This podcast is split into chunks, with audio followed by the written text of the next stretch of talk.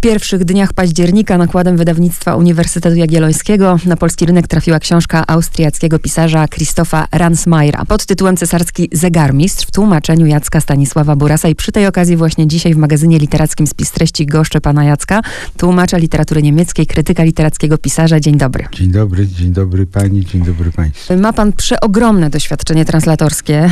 Tylko przypomnę naszym słuchaczom, że na podstawie pana przekładu Fausta Goethego Jerzy Jarocki zrobił chociażby spektakl w Starym Teatrze ze wspaniałymi rolami Radziwiłowicza czy Doroty Segdy.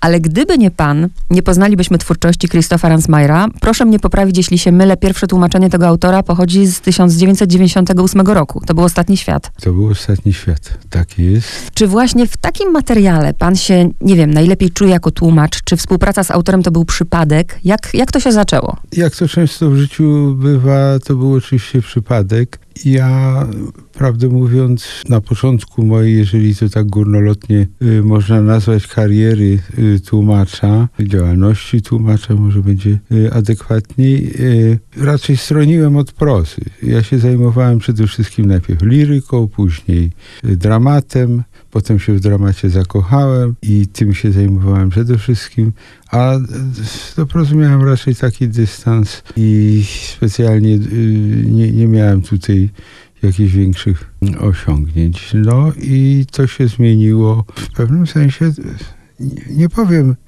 nie chcę przesadzać od książki y, Ostatni Świat Krzysztofa Ransmayra, ale to na pewno było takim impulsem, żeby się prozą zająć, zwłaszcza taką prozą, w sposób bardziej intensywny, tak bym to nazwał. Chciałabym pana głosem, żeby nasi słuchacze usłyszeli, bo być może wśród nich są tacy, którzy kompletnie nie wiedzą, kim jest Krzysztof Ransmayr. Czy pan go poznał? Co to za autor? Parę słów o nim. No bardzo chętnie. y, Ja y, znam Krzysztofa Ransmayra, zaprzyjaźniliśmy się. To jest autor y, młodszy ode mnie, powiedzmy 10 lat mniej więcej, a więc też już raczej starszego pokolenia. Natomiast to jest dosyć człowiek niezwykły. On właściwie literaturą się zajął stosunkowo późno, bo przeważnie się pisze już jakieś poważniejsze rzeczy, y, mając lat dwadzieścia kilka. On dopiero około trzydziestki zaczął y, pisać na serio i książka Ostatni Świat y, no, to była takim chyba jego pierwszym większym osiągnięciem. Dla mnie to było y, spotkanie absolutnie niezwykłe.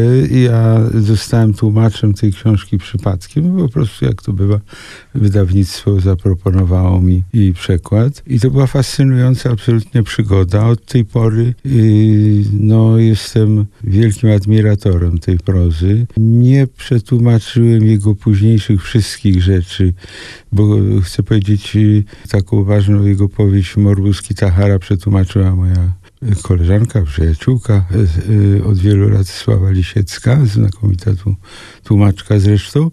Ja akurat wtedy nie mogłem, nawet otrzymałem tę propozycję, ale już nie mogłem przyjąć i praktycznie od tej pory, od tej pierwszej przetłumaczonej przeze mnie książki, każda jego powieść jest na polski tłumaczona. Także jest to no, przypadek y, chyba nie za częsty. No to była, to była absolutnie niezwykła przygoda tym słuchaczom, którzy jej nie znają, bo jednak minęło sporo lat, akurat właśnie 20. Przypuszczam, że jest niedostępna w tej chwili, na pewno nawet w księgarniach, mo- może, może zasługuje, albo na pewno zasługuje na wznowienie. To jest wspaniała powieść o Owidiuszu. I właściwie wszystkie cechy pisarstwa Ransmayra już w niej rozwinięte i później się dalej rozwijające y, i dochodzące do głosu się w niej uwidaczniają. Jeśli ktoś jej nie zna, a ma okazję, możliwość dotarcia do, tego, do tej książki. Ja niestety już egzemplarzami nie służę, bo, bo, bo mam jeden bodaj jeszcze mi się zachował. To, to bardzo polecam. My dzisiaj niestety jesteśmy ograniczeni czasem. Spotykamy się, żeby rozmawiać o cesarskim zegarmistrzu i zacznę od tytułu. Mój niemiecki jest słaby, ale jeśli dobrze wymówię, to oryginalny tytuł Cox oder der Lauf der Zeit. Tak. I pytanie, y, to by był koks lub upływ, bieg czasu. I sposób, Koks. jak w oryginale to brzmi i jak, jak pan poszukał tego sposobu na taki tytuł. Ja raczej staram się tłumaczyć yy, w miarę dosłownie. Mam zasadę, że się trzymam kurczowo tekstu autora. znaczy kurczowo. Y, oczywiście uwzględniając wszystkie wymogi polszczyzny, to jest oczywiste, ale y, zależy mi na tym, żeby y, od siebie nie dodawać niczego, nie upiększać, nie zmieniać, niuansować, tylko po prostu oddawać najwierniej jak potrafię to, co autor napisał i ten tekst, tytuł po polsku brzmiał w moim wykonaniu Cox, czyli bieg czasu. On, tak jak pani wspomniała, ukaże się ta książka y, pod innym tytułem. To jest taki pomysł wydawcy, przeciwko któremu ja nie oponowałem. Argumenty docierają do mnie. Tytuł Cox no, jest niewiele mówiący. Bieg czasu też może nie jest jakąś formułą szczególnie atrakcyjną, więc tytuł został, zmiana tytułu została uzgodniona z autorem i wydawcą niemieckim także.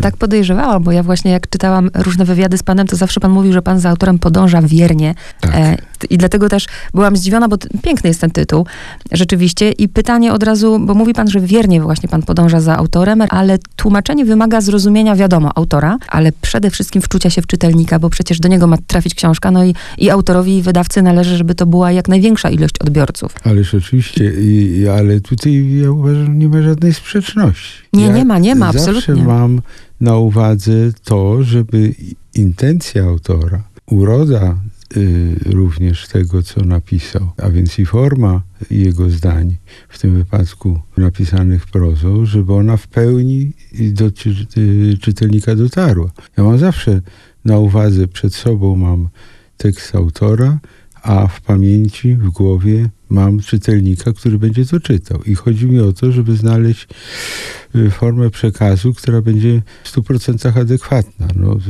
100% się w żadnej dziedzinie nigdy nie osiąga, jak wiadomo, ale no, żeby, było, żeby był to przekaz, przekaz maksymalnie wierny pod absolutnie każdym względem.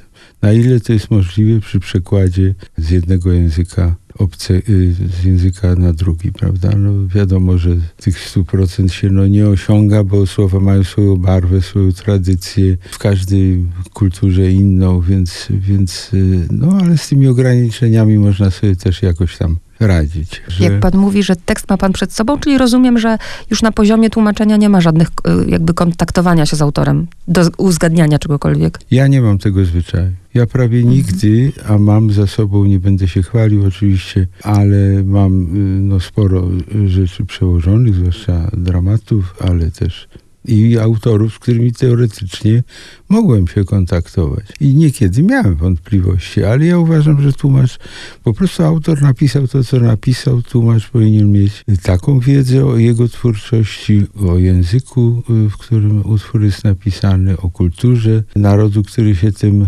językiem posługuje, żeby znać maksymalnie dobrze intencje które sprawiły, że autor tak to sformułował, a nie inaczej. No i teraz muszę znaleźć sposób, żeby y, odbiorca, czytelnik y, to otrzymał właśnie w takiej adekwatnej postaci. I wszystko. Moje podejście nie jest jedyne w tej materii. Mam kolegów, koleżanki, które, którzy inaczej trochę na to patrzą. Zanim zaproponujemy czytelnikom już yy, i powiemy troszeczkę o treści, to też mnie interesuje, no bo 20 lat temu, tak jak pan wspomniał, pierwsze tłumaczenie Ransmayra. I czy pan zauważył, bo chyba nikt lepiej tego od pana nie widzi, pracując z, z oryginałem, czy ten język pisarza na przestrzeni tych lat się zmienił? I ja myślę, że chyba nie. Ja, ja nie mam takiego wrażenia. Myślę, że, że już w tym, y, w tej powieści Ostatni Świat on był y, dosyć dosyć ukształtowany w sposób, nawet użył takiego określenia doskonały. Ale też, y, to też ważne, nie zmanierował się, bo to mhm. też grozi. Można dojść do takiego samozachwytu, prawda, nad tym, co się pisze i jak się pisze, że później to prowokuje do jakichś jeszcze y, dalszych y, udoskonaleń, które już jakby tą formę samą sobie perfekcyjną właściwie zakłócają i niszczą. I tego nie mam absolutnie tego wrażenia. Teraz już przejdźmy do samej książki, którą właśnie chcę polecić. Historia, jeżeli chodzi o fabułę, no mamy Alistera Coxa, zegar mistrza, który po tragicznej śmierci córki podążył do Chin na zaproszenie cesarza, żeby tam w zakazanym mieście stworzyć trzy zegary, ale to jest na tym poziomie takim dosłownym.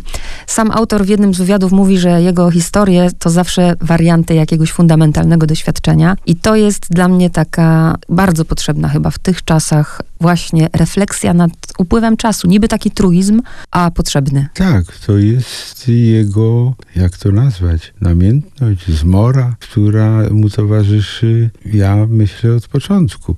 Bo przecież ta pierwsza książka przeze mnie tłumaczona i która miała, to jest pierwsza jednocześnie książka, która odniosła wielki sukces, Ostatni świat o Owidiuszu, to jest przecież też o y, pisarzu, który, który napisał y, Metamorfozy. Metamorfozy, tak, oczywiście. I, I to jest po prostu, więc ten upływ czasu, to, to że nic nie, jak się mówi y, w tej książce, nic nie zachowa swojej postaci, to jest właśnie o tym, że wszystko przemija. Piękna jest ta opowieść. Można ją czytać też na, no, na różnych poziomach. Każdy znajdzie to, czego akurat potrzebuje, bo jest i o miłości, i o utracie dziecka, i o pasji, i o ambicji, i o różnych kulturach. I też pytanie, czy przygotowując się do pracy typowo translatorskiej, musiał pan dużo czytać, nie wiem, właśnie chociażby o ostatnim cesarzu z okresu mandżurskiego, żeby bardziej pogłębić wiedzę? Nie, to przyznam się, nie wiem, ale się nie, tego nie wstydzę. Ja nie, nie mam raczej tego zwyczaju. Naturalnie ja muszę wiedzieć coś więcej, ale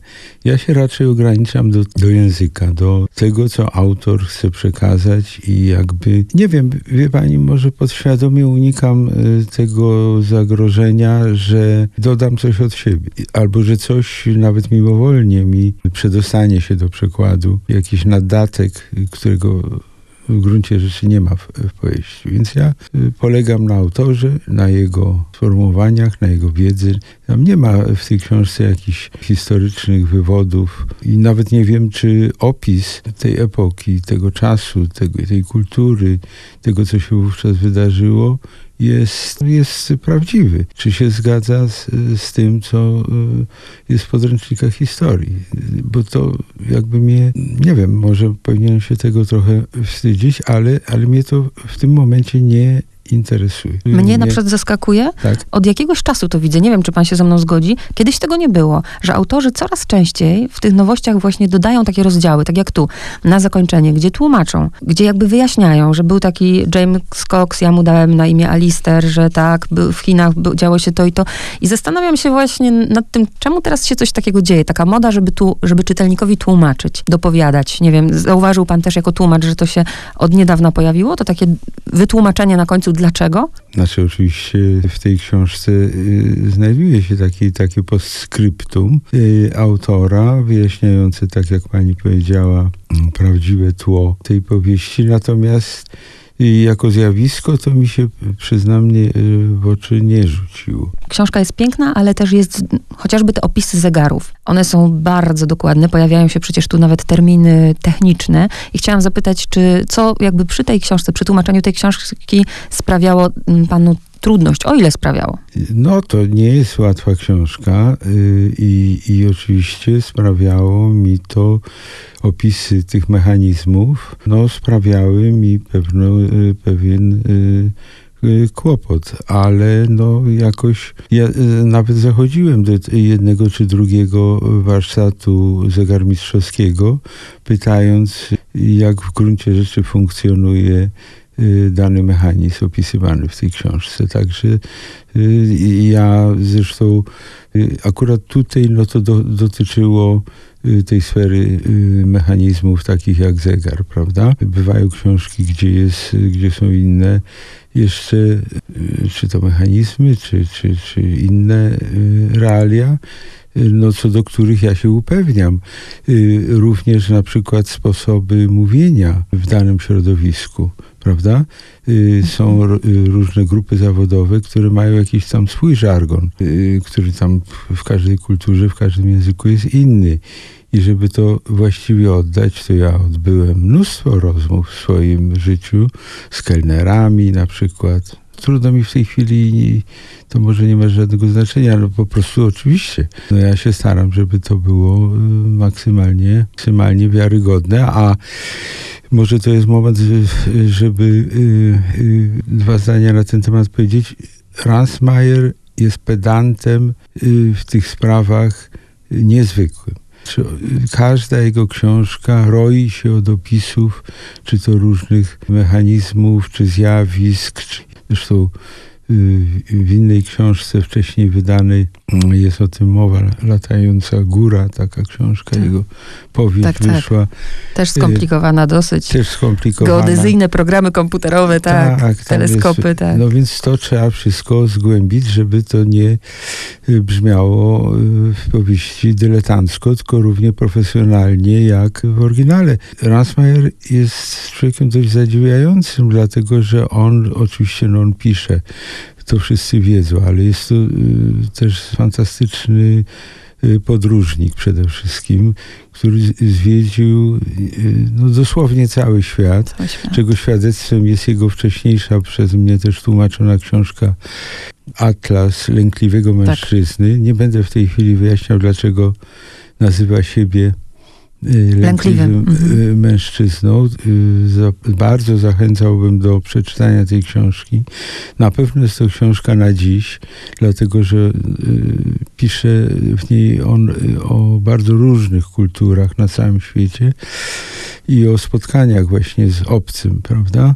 Więc to jest, myślę, temat aktualny. Ale y, wracając do Pani pytania, no to ja y, oczywiście przeprowadzam takie, y, taki, mu- musiałem się trochę na astronomii poznać i innych dziedzinach, w których Ransmayer no, jest dość, z którym jest- jest dość obeznany, czy, czy, czy alpinistyka, czy himalaistyka, prawda, i tak dalej. Tak plastycznie pan to opisuje, że pamiętam, jak czytałam opis ostatniego zegara, to próbowałam to wszystko zobaczyć i nawet sprawdzałam też, szukałam o rtęci, o zegarach rtęciowych, o cesarzu Chin, także ja jestem zachwycona tą książką. A gdyby pan na koniec miał powiedzieć osobie, którą pan zna, której pan nie zna, czytelnikom i zachęcić do przeczytania tej książki, to o czym dla pana jest to książka? o tym, że w gruncie rzeczy uczucie, że czas przemija i nasz czas przemija, nasz indywidualny czas, naszego indywidualnego życia, bezpowrotnie przemija i kiedyś przeminie. I że y, przeminie również czas wszystkiego, co nas otacza. To jest jakieś, myślę, nawet jeśli my sobie nie uświadamiamy tego na co dzień, to jest to uczucie, które nam towarzyszy. I ta książka jest w gruncie rzeczy o rozpaczliwych próbach zatrzymania tego procesu. W jakiś I nawet pan 10 tysięcy lat nie może tego uczynić. nie może tego uczynić, ale ma taką potrzebę, żeby Mm. będąc w swoim y, mniemaniu w każdym razie najpotężniejszym człowiekiem na ziemi, panem wszystkiego, że nawet on nie może tego sprawić, y, żeby czas się zatrzymał, żeby ten y, stan, który no, niewątpliwie y, mu odpowiada, żeby trwał wiecznie. Panie Jacku, bardzo dziękuję za rozmowę. Ja dziękuję bardzo.